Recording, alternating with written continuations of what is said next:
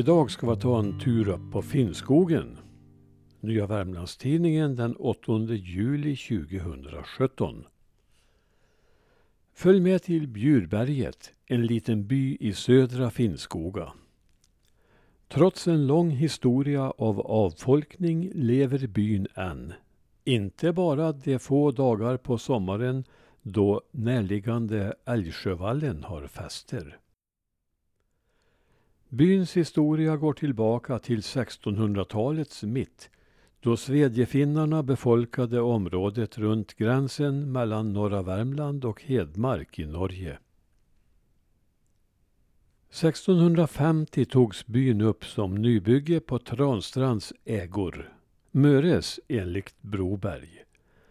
Och 1656 skattlades den till en fjärdedels hemman. De äldsta omnämnda är en Johan samt Filip Persson Neuvoinen. Johan försvinner ur längderna men Filip finns kvar och efter honom får byn det finska namnet Neuvoila eller Neuvola. Filip hade barnen Jöns, Henrik, Per, Erik och Filip samt dottern Britta. Bjurberget blev delat mellan Jöns och Filip. Här blev fast bosättning, här fanns tydligen bra svedjemarker. Ett alltför utvidgat svedjande satte ibland avtryck i domböckerna. På 1700-talet nämns åtta åbor, eller bönder, och Bjurberget räknas till de större byarna. I medeltal låg både finnbyarna och byarna i svenskbygden på cirka sex åbor per by.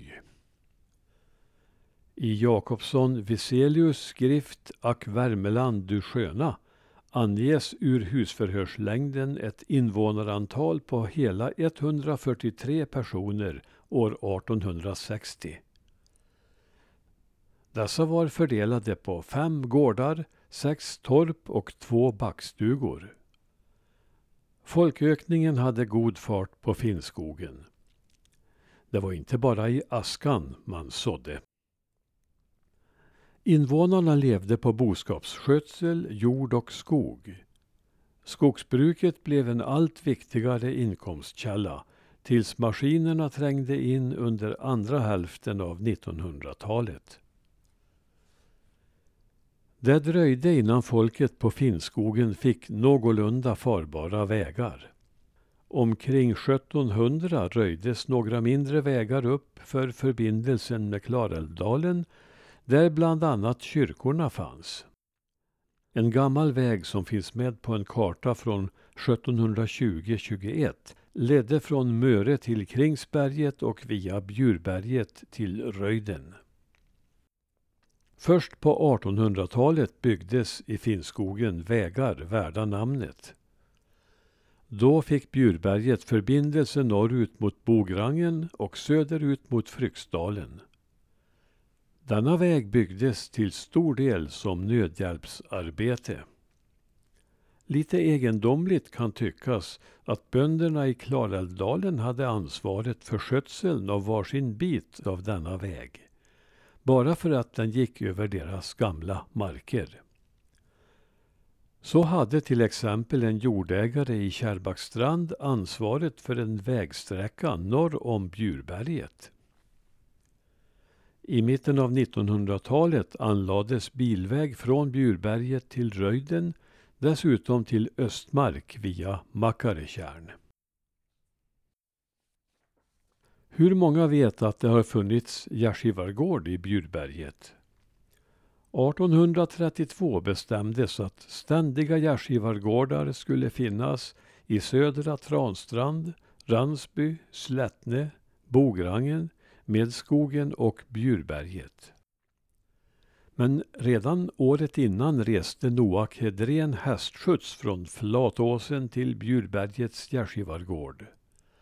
Han har berättat att både han och skjutsbonden valde att gå bakom kärran för att spara hästen som var försvagad på grund av missväxt. Denna missväxt må ha varit orsaken till att Hedrén vid Gärdsgivagården fick smaka kaka gjord av islandslav. Detta bröd äts ej av svinkreaturen, noterade han. 1852 kom en annan resenär, Maximilian Axelsson, till byn. Han kunde berätta att man vid Gärdsgivagården språkade än på den mest rådbråkade svenska, än på finska. Likaså kunde prosten John Finson berätta från sin uppväxt i början av 1900-talet att många i trakten av Bjurberget ännu var finsktalande.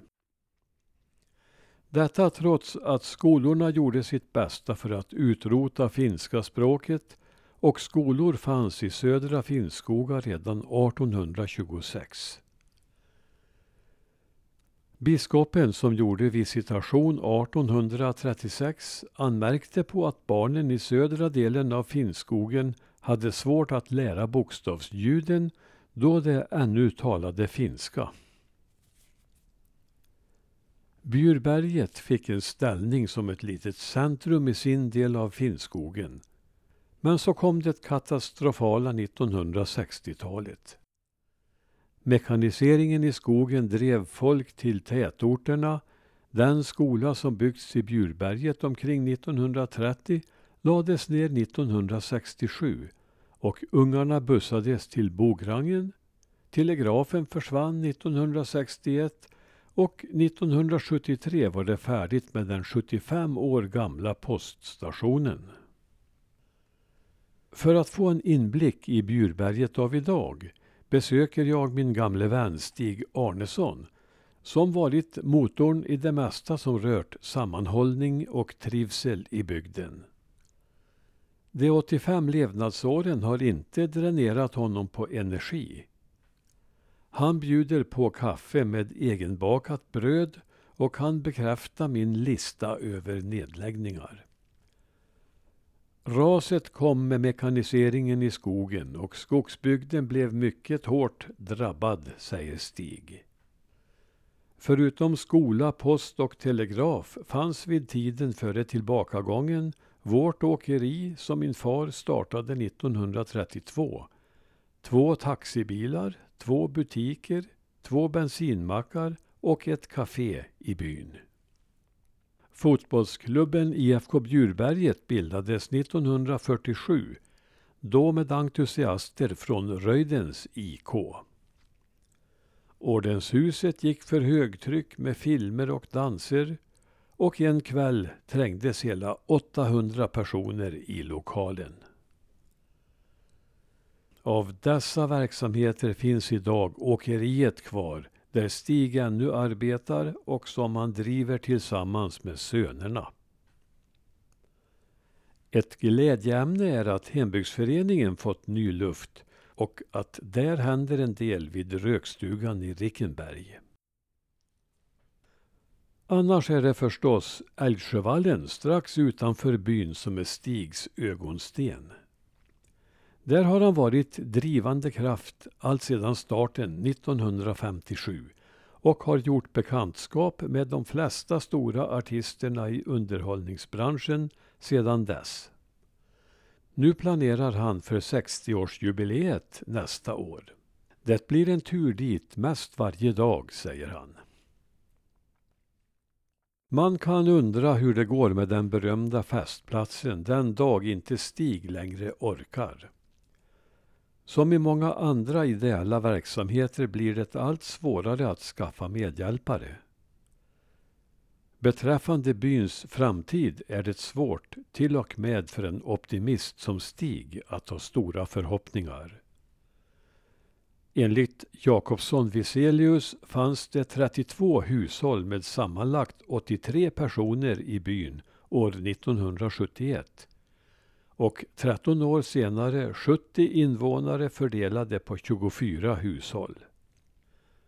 Efter en snabb koll av läget 2017 får Stig fram att det idag bor cirka 30 personer i byn. Av de 38 fastigheterna är bara hälften permanent bebodda. Jag avslutar besöket med en rundtur genom byn med stig. Sommardagen är vacker i all blomsterprakt och gårdarna välskötta.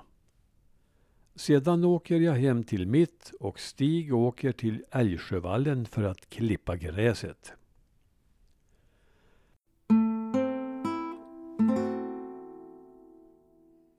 På en bild som hör till artikeln finns Stig på Philipsgården som är byns äldsta gård. På nästa bild står Stig i ett uthus där det finns inristat Tenehus var 110 1758 vilket har tolkats till att detta hus var 110 år 1758. Och då är man tillbaka vid de första svedjefinnarna omkring 1648. Den här byggnaden har flyttats till Erola från Filipsgården och det kan vara det första huset som byggdes i Bjurberget.